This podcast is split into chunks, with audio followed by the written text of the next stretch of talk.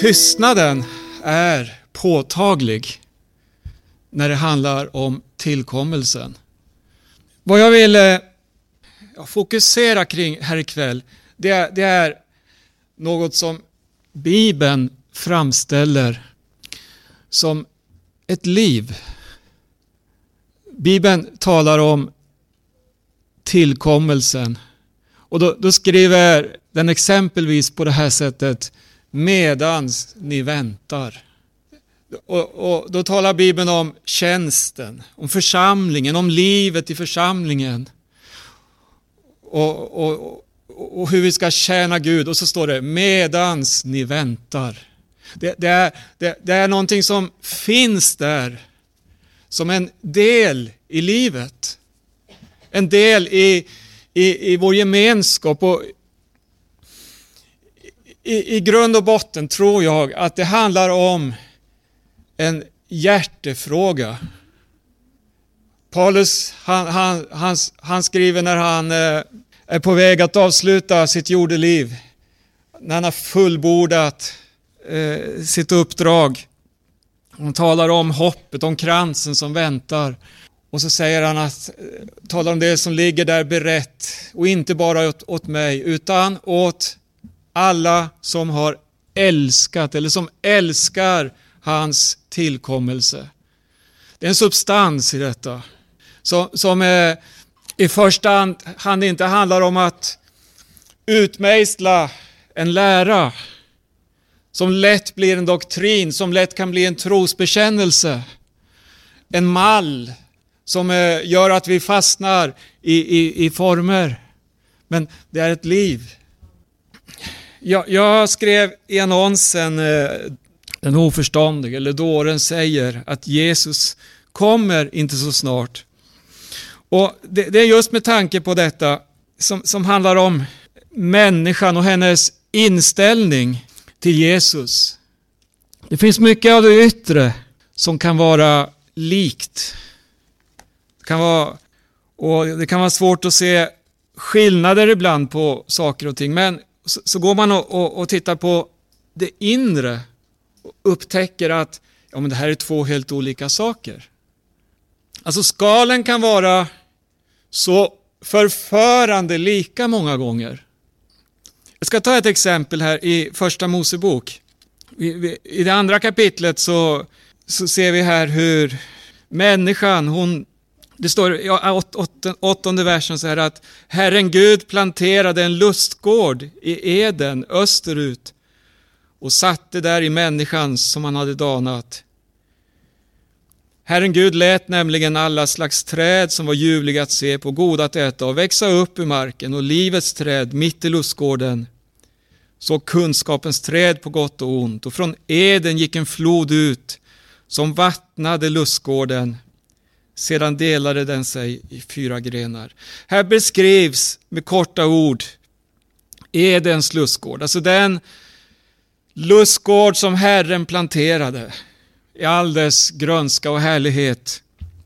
Och där fanns människan.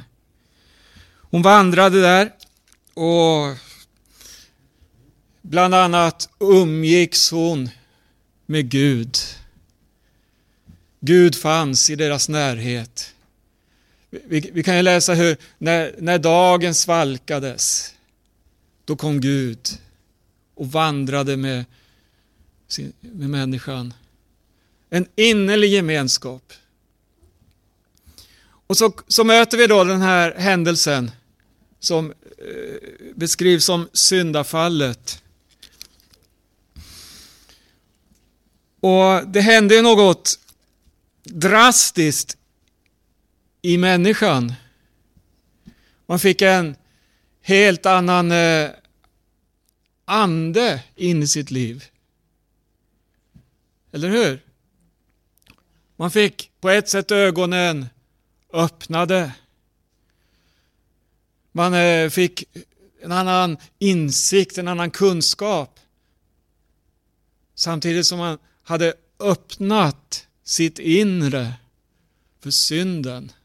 Alltså, man hade tagit emot synden. Man hade i ett nu egentligen blivit något helt annat än vad Gud hade tänkt. Man gick där i samma lustgård, men nu var lustgården eh, inte alls vad den hade varit innan. Nu såg man på, på, på det på ett helt annat sätt. Och så när Gud närmade sig, ja då gömde man sig. Det, den yttre ramen, alltså lustgården den var ju densamma, människan fanns där, hon gick där och hon såg säkert likadan ut. Men det hade hänt någonting som gjorde, eller som var avgörande. Det spelar ingen roll hur vackert det kan se ut, det vi omger oss av. Det spelar ingen roll hur andligt, hur, hur perfekt det kan vara. Det som är avgörande syskon, det är just detta inre som Gud har gjort i människan. Den här förvandlingen. Så likt men ändå så olikt. Jag vill ta, nu ska vi gå till sista boken i Bibeln. Jag ska ta två exempel här i sändebreven. Uppenbarelseboken 2. Då har vi första sändebrevet till Efesus. Här har vi en exemplarisk församling. Skriv till Efesus församlingsängel.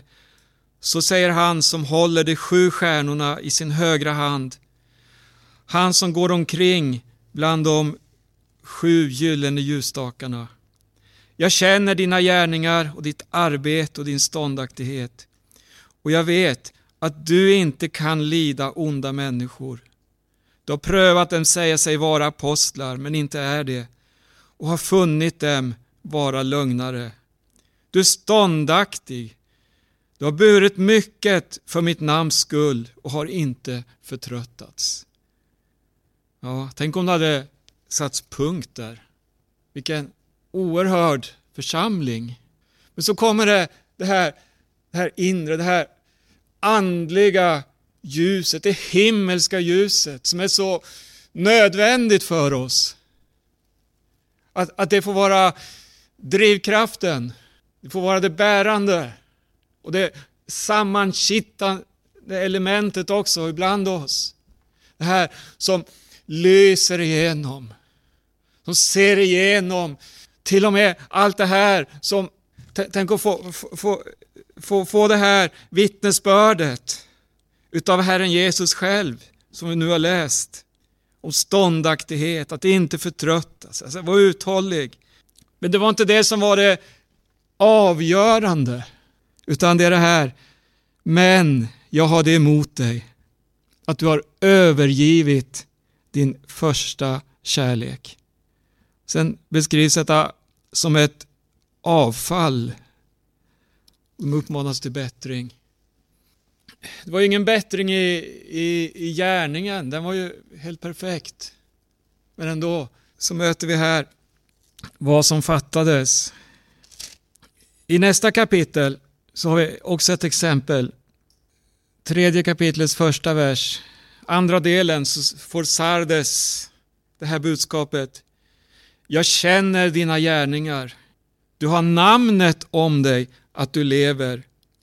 Men du är död. Också ett yttre som vittnar om att man har ett liv. Men så kommer ljuset från höjden. Du är död. Den oförståndige säger Jesus kommer inte så snart. Bibeln talar mycket om eh, förstånd och dåraktighet. I Daniels bok så, så, kan vi se något om det här, också om hur, hur Gud utrustar de som söker honom. Gud, han, han, han kan ge ett förstånd till den som söker. Inte utifrån vem man själv är, men utifrån den han är. Det är det som är det stora. Han förmår. Inte utifrån hur människor mäter, men utifrån vad Gud kan göra. Och här i Daniels bok så, så kan vi läsa i första kapitlet om eh, dessa ynglingar som eh, fördes bort till Babel. Det var ju ynglingar av eh, konungslig släkt. Och de hade ett hjärta som var stämt efter Gud. De hade fått lära sig att älska Gud och det hade verkligen lönat sig i deras liv. Nu kom de här utlämnade i detta Babylon där, där man ville sätta dem i Babylons skola för att de skulle formas för detta samhälle, för att tjäna konungen i Babel. Men i vers 8 står det så här, men Daniel lät sig angeläget vara att inte orena sig med konungens mat eller med vinet den drack av. Och han bad överste hovmannen att han inte skulle behöva orena sig. Och så ser vi sen hur Gud är med Daniel och hans vänner. De får en speciell kost, precis som de begär. Och Gud, han är med dem och han, ja det visar sig att de är fagrare, vackrare, friskare än de andra efter prövotiden som de fick. Och så fick de den här, ja, de, de, de, de fick vandra alltså utifrån sin egen övertygelse, äta den mat som de menade vara den rätta istället för att orena sig med konungens mat. Det hade en väldigt stor betydelse. Men så står det så här i, i 17 versen att åt dessa fyra ynglingar som nu hade tagit det här beslutet, de, hade, de var beredda på konsekvenserna. Åt dessa fyra ynglingar gav nu Gud kunskap och insikt i allt slags skrift och visdom. Och Daniel, han fick förstånd på alla slags syner och drömmar. Någonting som var givet från Gud själv. Halleluja. I det andra kapitlet så har vi Nebukadnessars dröm och det krav han ställde på alla de visa och de kloka i landet. Han befallde, ni ska tala om för mig vad jag har drömt och ni ska tala om betydelsen av drömmen. Och då säger de eh, visa och de kloka, de som fanns i landet, de förnämsta i hela landet, att i tionde versen så här, det finns ingen människa på jorden som kan tala om för konungen det han vill veta. Det finns ingen. Aldrig har ju heller någon konung, hur stor och mäktig han än var, begärt sådant som detta av någon spåman, eller besvärjare, eller kaldé. Till det som konungen begär är allt för svårt och ingen finns som kan meddela konungen det, förutom gudarna. Det, här, här, här, här ser vi, det, det sätts, alltså världens visdom, den mäter på ett sätt, den agerar på ett sätt, den kommer till korta när det gäller de verkliga tingen. Men Daniel, i honom bodde en annan ande. Och det är alltid så, när Gud verkar, när Guds tid är inne, då ger han ord, då ger han visdom för den stunden. När Guds tid är inne, då får vi den kraft vi behöver. Men det finns en hemlighet som vi kan lära av dessa ynglingar. De såg att det var angeläget att inte orena sig. Vi kan säga av världen. Angeläget att inte bli en del av världen utan att vara avskild för honom. Att ha den här kontakten med Gud. Att vara uppfylld av Guds ande. Och så kunna se Gud uppenbara nämligen. Tror du att han gör det idag? Tror du att det behövs idag i den här världen som vi lever? Denna himmelska uppenbarelse. Man kan tycka att det är tyst många gånger. Man ser allt otäckt som händer i tiden. Man läser Bibelns profetior och, och skräms över likheterna. Europa, folkvandringarna, allt det som sker. Hopplösheten och ångesten som kommer över folken. Men så öppnas ändå himmelen som svaret för varje människa. Och församlingen, den som äger Jesus, den som har den helige Ande, är det redskap som Gud har satt i tiden för att vara en Daniel. för att vara denna röst som uppenbarar, men som också visar att det, att, att det slutliga riket, det är ett evigt rike. Den gamle av dagar som ska komma. I första Korinthierbrevet, det här brevet, det, det, det är speciellt på många sätt. Korintierförsamlingen, det hade många problem att brottas med. Av alla de slag. Men Paulus han, han betonar i det här brevet hur han har kommit med ett dårskapens evangelium. Alltså ett evangelium som för världen är en dårskap. Och så talar han om hur han har bestämt sig för att när han kommer till dem att han ska förkunna ett korsets evangelium. Han ska fokusera på Kristus, den korsfäste. För där är sanningen, där är nyckeln för församlingen att komma rätt. Och Han skriver så här i inledningen då, i fjärde versen. Jag tackar Gud alltid för er skull, för den Guds nåd som har blivit er given i Kristus Jesus. Att ni har i honom blivit rikligen begåvade i alla stycken, i fråga om allt vad tal och kunskap heter. Här står det om ett förstånd, en vishet som kommer från Gud. Och man ser här hur Paulus, han eh, uppmuntrar verkligen och, och talar om för dem, se vad ni har i Kristus. Ni har en begåvning i honom. Ni är rika i honom. Så har också vittnesbördet om Kristus blivit befäst hos er. Så att ni inte står tillbaka i fråga om någon nådegåva medan ni väntar på vår Herres Jesu Kristi uppenbarelse. Han ska också göra er ståndaktiga intill änden. Rikligt begåvade i alla stycken i Kristus. Försök hålla fokus här nu. Det är ett förstånd som kommer från himmelen. Som du inte kan få i den här världen. Inte vid något universitet. Du kan inte läsa dig till det. Visst, du kan läsa och bli väldigt klok på många sätt. Men, men det finns en nyckel här. Den förutan så, så är himlen stängd. Vi, vi är beroende av Gud, av hans ande. Jesus säger så här i Lukas, i tionde kapitlet.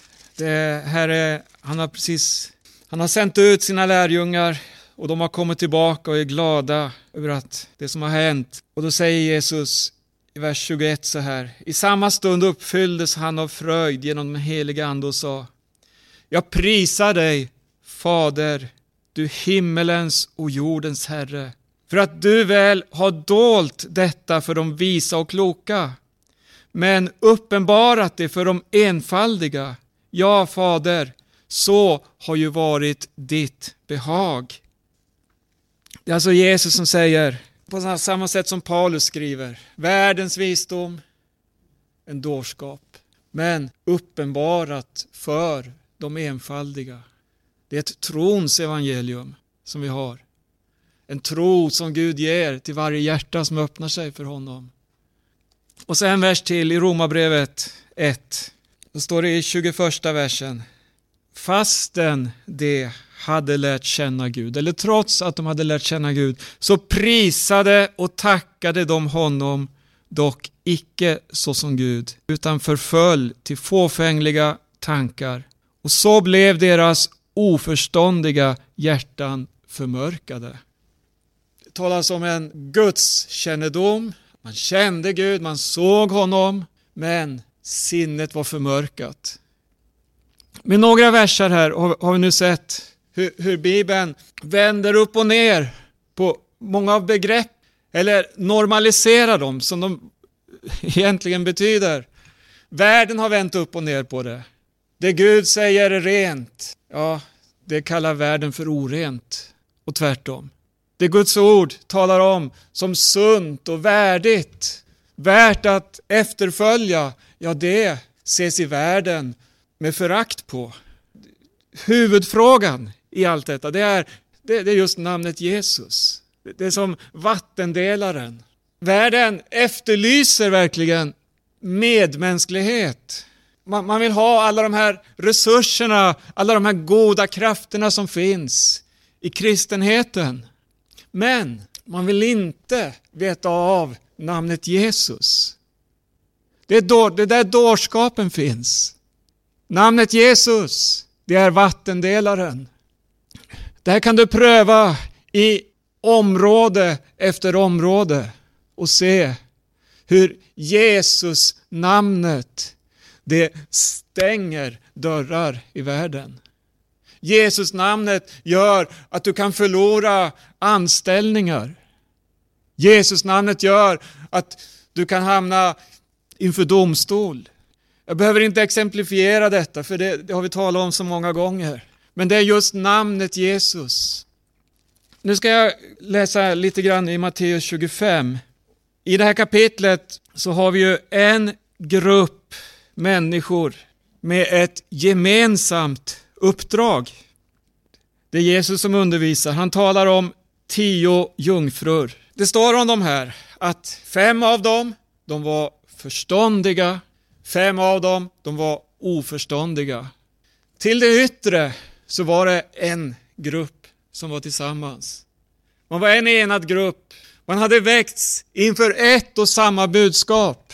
Uppdraget, det var detsamma. Gå ut för att möta brudgummen. Det fanns ingen yttre skillnad, ingenting att anmärka på när man såg den här gruppen förbereda sig. När man hade gått ut. Alla tio gick ut. Man var, vi skulle kunna jämföra det här med vår tid. Den här liknelsen den har helt säkert en annan betydelse. Jag har läst många olika betydelser också av det här, men vi lämnar det därhän nu. Det finns ändå saker i detta som, som vi kan ta lärdom av. Det var troende människor. De trodde och de gick ut för att möta brudgummen. Man var enade i ett uppdrag. Och tänk, tänk då i vår tid. Vi kan ha en verksamhet, vi kan vara väl rustade, utbildade och medvetna, arbeta på ett fint sätt. En gemenskap. Det är det Bibeln talar om här. De hade tillsammans gått ut för att möta brudgummen. Utrustningen hade man också fått, lampan. Var och en hade sin lampa. Men ändå så möter vi detta, att det som såg ut att vara en enhet, rent organisatoriskt, det skildes åt. När vid minnastiden gödet anskri, se brudgummen kommer, då fanns det beredskap hos hälften av skaran. Andra hälften, de hade haft sitt hjärta någon annanstans. Halva skaran, när de hörde anskriet, då sa det ja, amen. Och så drog man iväg och gick in i bröllopssalen. Halva skaran, där fanns det annat som hade fyllt deras tid och krafter. Säkert mycket angelägna saker. Kanske många viktiga ting som man ville prioritera.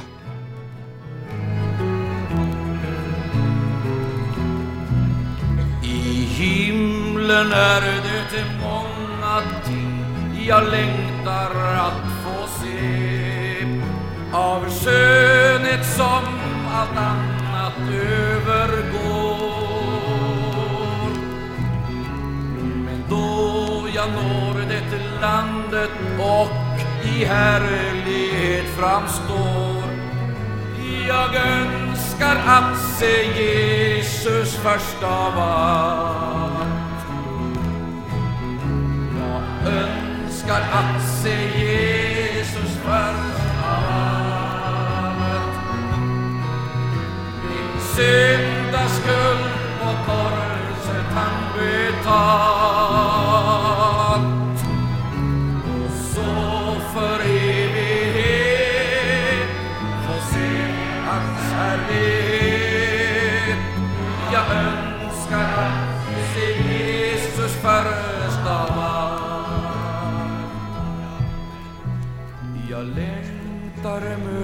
Kära som mig väntar på den strand.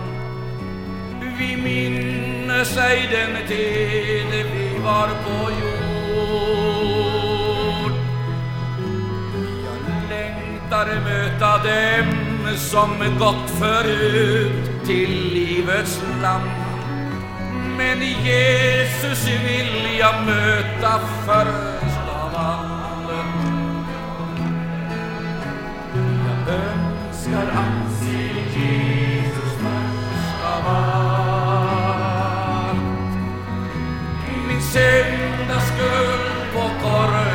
han betalt.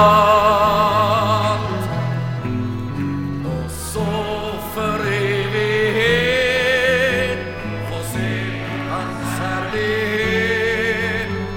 Jag önskar att se Jesus först av allt. Jag längtar skåda pärlor, portar, gator av rent guld. Jag längtar se min boning likaså. Den nya stad och floden som är klar som ren kristall. Men Jesus vill jag möta först av allt.